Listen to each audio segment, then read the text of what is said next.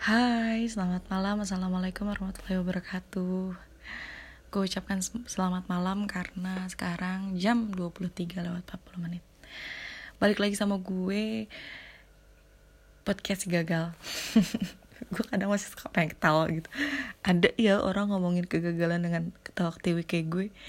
Kayak gak belajar apa memang mungkin saking menikmatinya kegagalan itu sendiri.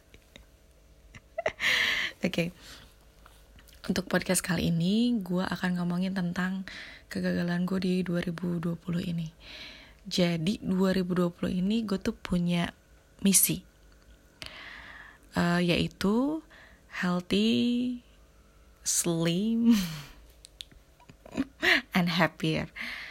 Tapi ternyata 2020 ini luar biasa bertubi-tubi cobaannya dari pertengahan tahun sampai saat ini bulan Oktober tanggal 20 Oktober 2020 uh, eh, luar biasa bertubi-tubi sekali ya. Saking bertubi-tubinya gue sampai bingung mau ngomong dari mana ya. Oke okay, eh, balik lagi ke tujuan gue pada awalnya adalah lebih sehat lebih langsing dan lebih happy. Tapi yang terjadi sekarang adalah gue ganti itu semua dengan cukup bertahan aja. Hang on. Oke okay, kegagalan pertama gue adalah jadi gue uh, balik uh, aduh, aduh, aduh belepatan banget. Pokoknya gue tuh punya target bulanan. Tiap bulan itu gue harus bisa membaca minimal satu buku. Tamat. Januari gue lulus empat buku Februari dua buku. Maret setengah. April dari setengah itu nambah seperempat jadi tiga perempat Mei Juni Juli Agustus tidak kelar-kelar itu untuk buku tapi kebiasaan itu mulai dibangun lagi start dari dua bulan lalu kali ya sekitar Agustus September Oktober udah mulai baca lagi. Alhamdulillah juga bulan lalu udah bisa tamatin dua buku. Uh, lalu kegagalan kedua. Belum tentu gagal tapi udah pasti gagal sih karena kan itu target bulanan ya. Hmm, bulan ke uh, kegagalan kedua adalah ya balik lagi yang tahu podcast pertama ya pengen langsing. Uh, itu gua target satu bulan itu turun minimal setengah kilo. Jadi gue orang yang muluk-muluk. Kalau setengah kilo aja kan berarti setahun bisa turun 6 kilo ya nggak?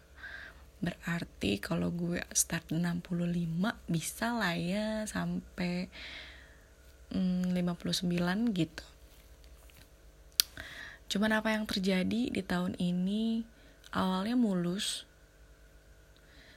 Sampai akhirnya bulan Juni itu gagal total bukan karena lebaran tapi sesuatu hal yang akan gue ceritakan di belakang nanti. Um, yang tadinya udah 65, 64, 63, 62, 61, 60 lo bayangkan gue bisa menyentuh 60 60 masih 60,5 sih sampai akhirnya gagal. Oh sorry kayaknya gue udah bilang deh di podcast sebelumnya kalau uh, Umi meninggal di bulan Juni itu awalnya gue akhirnya stres lagi mungkin ya badannya stres uh, pikirannya stres sampai akhirnya diet gue kacau balau lagi karena makan seketemunya dan lain-lain gitulah. Uh, untuk kegagalan kedua ini gue rasa mungkin kalau untuk target bulanannya masih bis, boleh dibilang itu sudah gagal tapi insya Allah bisa gue kejar sampai akhir tahun ini. Semoga bisa tercapai seenggaknya 5 kilo sekarang Oktober udah mau akhir Oktober November Desember. Tiga bulan lagi ding. Ya semoga bisa ya sebulan turun dua kilo amin. Oke. Okay. lanjut ke kegagalan ketiga. Kegagalan gue gue merasa gue gagal ya. Kegagalan gue membahagiakan Umi aduh gue nggak mau nangis asli. Kalau gue ketawa-ketawa bukan gue bahagia nih ya. Cuman gue nggak mau nangis aja. Capek guys. Nangis terus. Kenapa gue bilang gue gagal membahagiakan Umi? Tapi sebenarnya sih kalau gue denger dari cerita orang-orang itu Umi selalu bilang kalau Umi tuh bangga sama anak-anaknya gitu. Hmm, tapi tetap aja gue ngerasa gue gagal aja gitu. Jadi singkatnya Umi itu adalah orang yang gak neko-neko gak muluk-muluk. Hal yang menurut kita sederhana itu bisa membuat dia bahagia. Misal sesederhana kayak kita pulang kerja bawa makanan itu dia seneng banget. Ya. Intinya Umi itu dulu Umi itu sosok pejuang sih kalau buat gue. Jadi Umi sama bapak itu dua-duanya prinsipnya sama. Mereka pendidikan gak tinggi tapi pengen anak-anaknya sekolah tinggi. Uh, minimal SMA uh, eh, biar bisa istilahnya apa ya kerja lah gitu. Kalaupun gak kerja buka usaha ya buka usaha. Jangan sampai kayak bapak pedagang kaki lima. Bukan pedagang kaki lima ya nggak? Pedagang yang ngampar depan pasar Bogor itu bapak itu dagangnya kayak gitu hmm, mereka itu sama-sama berjuang untuk nyokolain anak-anaknya. Dan dari dulu Umi kalau dibilang bergelimang harta nggak pernah nyalamin deh kayaknya. Bukan berarti bapak ngajak susah ya bukan. Tapi memang mungkin pendapatnya segitu cukup lah cukup. Mungkin cukup agak ke kekurangan gitu. Tapi salutnya ke Umi adalah dia nggak pernah ngeluh dia selalu bersyukur dan dia bisa mengalokasikan uangnya itu untuk sekolah makan dan lain-lain. Tabungan-tabungan lain itu dia ada. Sekolahin pertama sekolahin kakak uh, lalu kakak masuk SMA gue masuk SMP hmm, double double kan tuh oh nggak usah diceritain lah perjuangannya gimana. Uh, karena lebih berat perjuangan uminya otomatis secara keuangan pun nggak pernah pegang lebih. Malah mungkin bisa dibilang irit banget. Sampai akhirnya AA lulus SMA masih agak mendingan lalu gue lulus SMA adik gue masuk SMP ya standar lah. Itu semuanya kayaknya udah agak konstan tapi tetap umi nggak nggak berlebih lah uangnya gitu. Uh, sampai akhirnya gue dalam hati tuh selalu bilang oke okay, targetku dalam hidup gue lulus uh, sekolah uh, gue langsung cari kerja. Gue udah targetin Nurul lu usia 18 tahun harus kerja. Dan beruntungnya gue tepat ulang tahun gue yang ke-18 5 Desember tahun 2011 itu gue mendapatkan pekerjaan pertama gue. Dan di situ gue seneng banget sih asli. Gue seneng banget karena sesuai dengan keinginan gue lalu gue juga punya target lain uh, gue pengen kuliah karena balik lagi orang tua gue memang pengen anak-anaknya kuliah uh, sekolah setinggi tingginya terutama bisa sampai kuliah karena mereka cuma bisa sekolahin sampai SMA ingat banget terakhir pas waktu lulus SMA gue dipanggil sama umi sama bapak dibilang gini Rul Umi sama bapak cuman bisa nganterin sampai SMA. Kamu mau kerja? Silahkan. Kamu di rumah aja, nggak apa-apa, kita masih bisa kasih makan. Tapi kalau kuliah, Umi dan Bapak tidak sanggup untuk biayain. Saran Umi sama Bapak, mendingan kamu kerja dulu, kalaupun memang mau kuliah, nabung, lalu kuliah sendiri, kayak AA katanya gitu. Terus egonya gue waktu itu kan agak ini ya maksudnya pada saat itu pikiran gue masih cetek banget gue marah karena gue sebenarnya pengen kuliah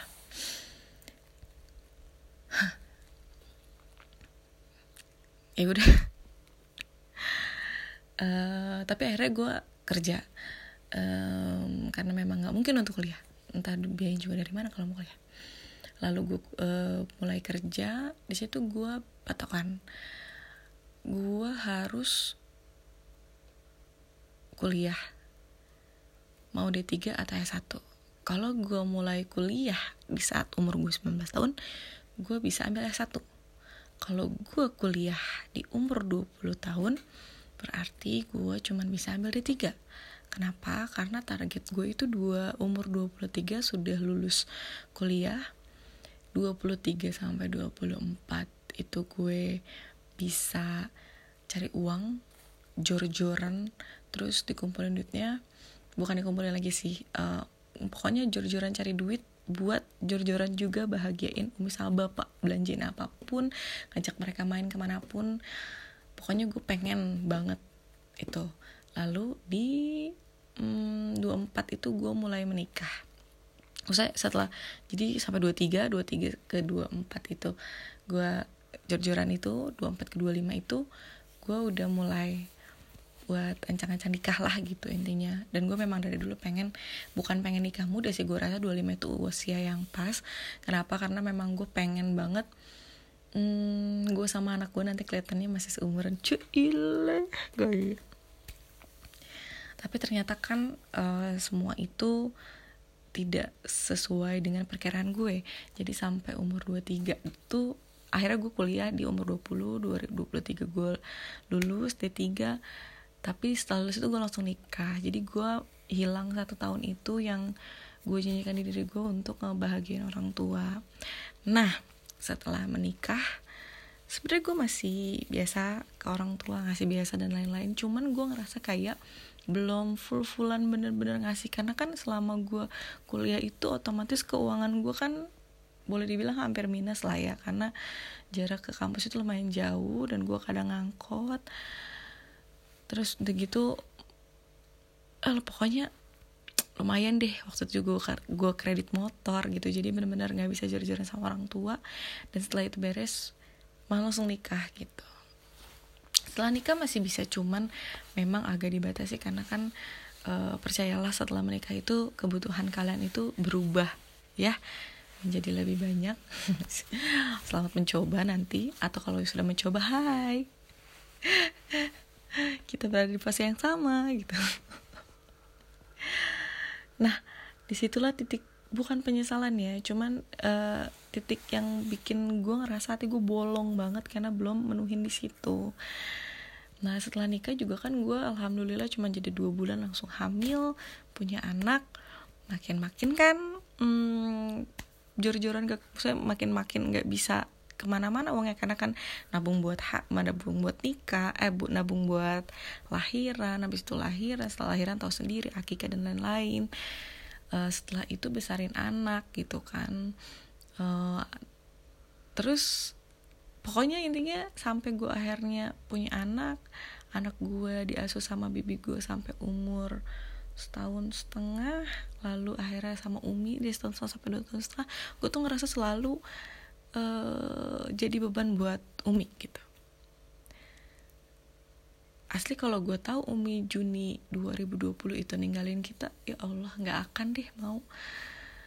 Jangan sampai gitu um, Kaila misal sama Umi. Kenapa? Karena bukan gue ngerasa kalian jadi beban sih bukan. Cuman kayaknya lebih baik Kaila sama orang lain tapi Umi ngeliatin aja gitu. Gue ngerasa gagal kayaknya selama Umi hidup gue belum bener-bener bisa bikin Umi bahagia tapi nggak tahu sih di dalam hati Umi gimana. Karena Umi selalu bilang gue mengungkapkan ini di depan Umi Mi kayaknya Nurul belum bahagian Umi ya waktu Umi masih ada. Lalu Umi tuh jawabnya gini enggak kok kata siapa? Kamu bisa kuliah uang sendiri kamu bisa sedikit-sedikit bantuin beli apa benerin rumah terus kamu menikah baik-baik gitu kan uh, bisa jaga diri kamu gitu sampai akhirnya kamu menikah uh, lalu menikah dengan orang yang baik terus punya anak yang lucu kata Umi. Umi ngalamin ngurusin gitu. Itu udah buat Umi sih udah bikin Umi bahagia banget. Itulah yang gue bilang Umi itu bahagia dengan hal-hal yang sederhana tapi tetap gue ngerasa bolong sampai sekarang. Gue belum bisa bahagiain Umi. Nah sekarang caranya gimana buat bahagiain Umi tujuan gue nih ini semoga nggak gagal lagi ya.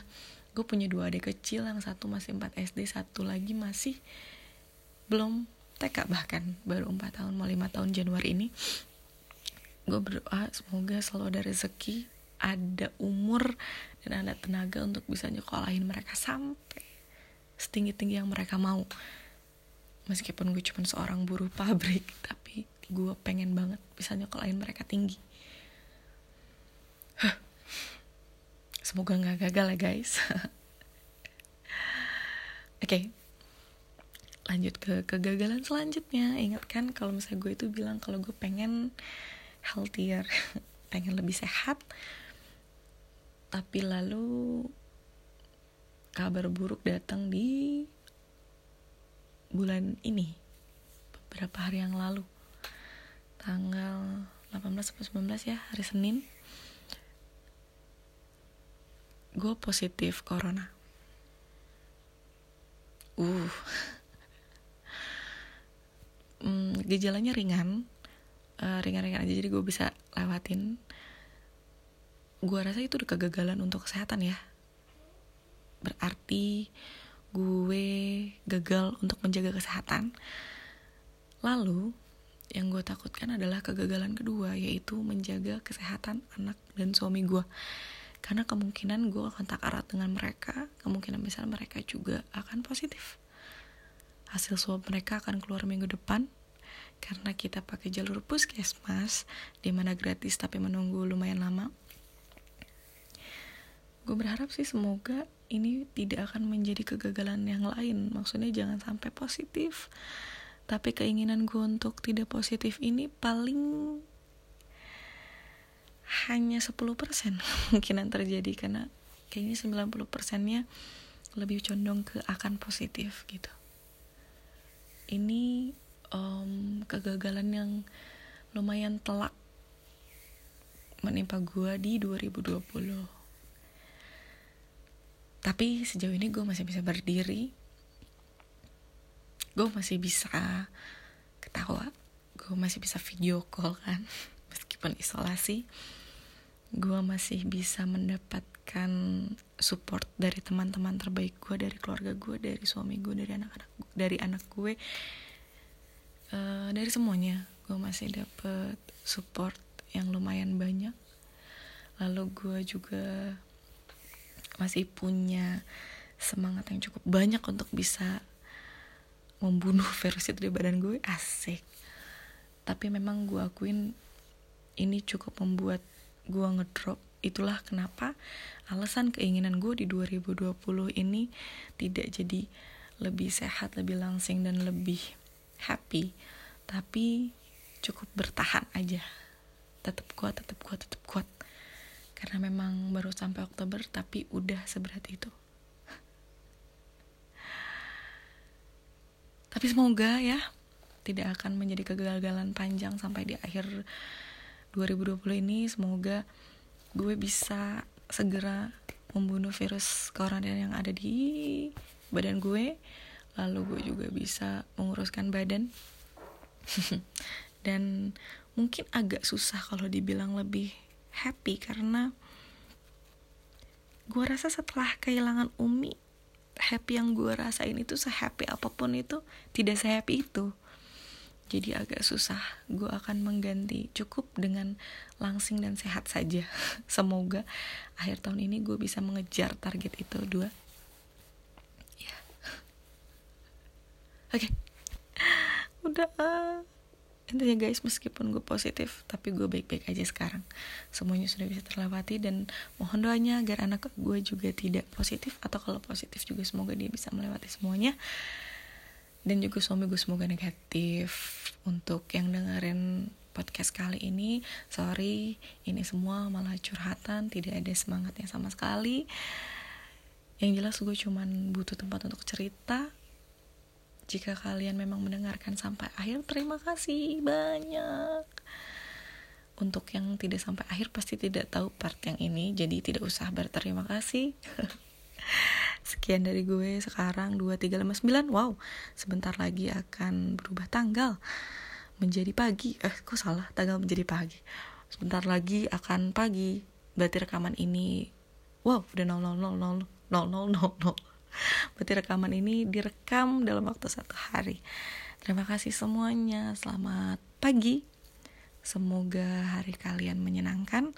Semoga keluarga kalian selalu disehatkan juga diri kalian dan semoga orang-orang yang kalian cintai diberikan umur panjang karena percayalah setelah kehilangan itu semua baru terasa berat dan berat. Oke? Okay? Selamat malam, eh salah, selamat pagi. Assalamualaikum.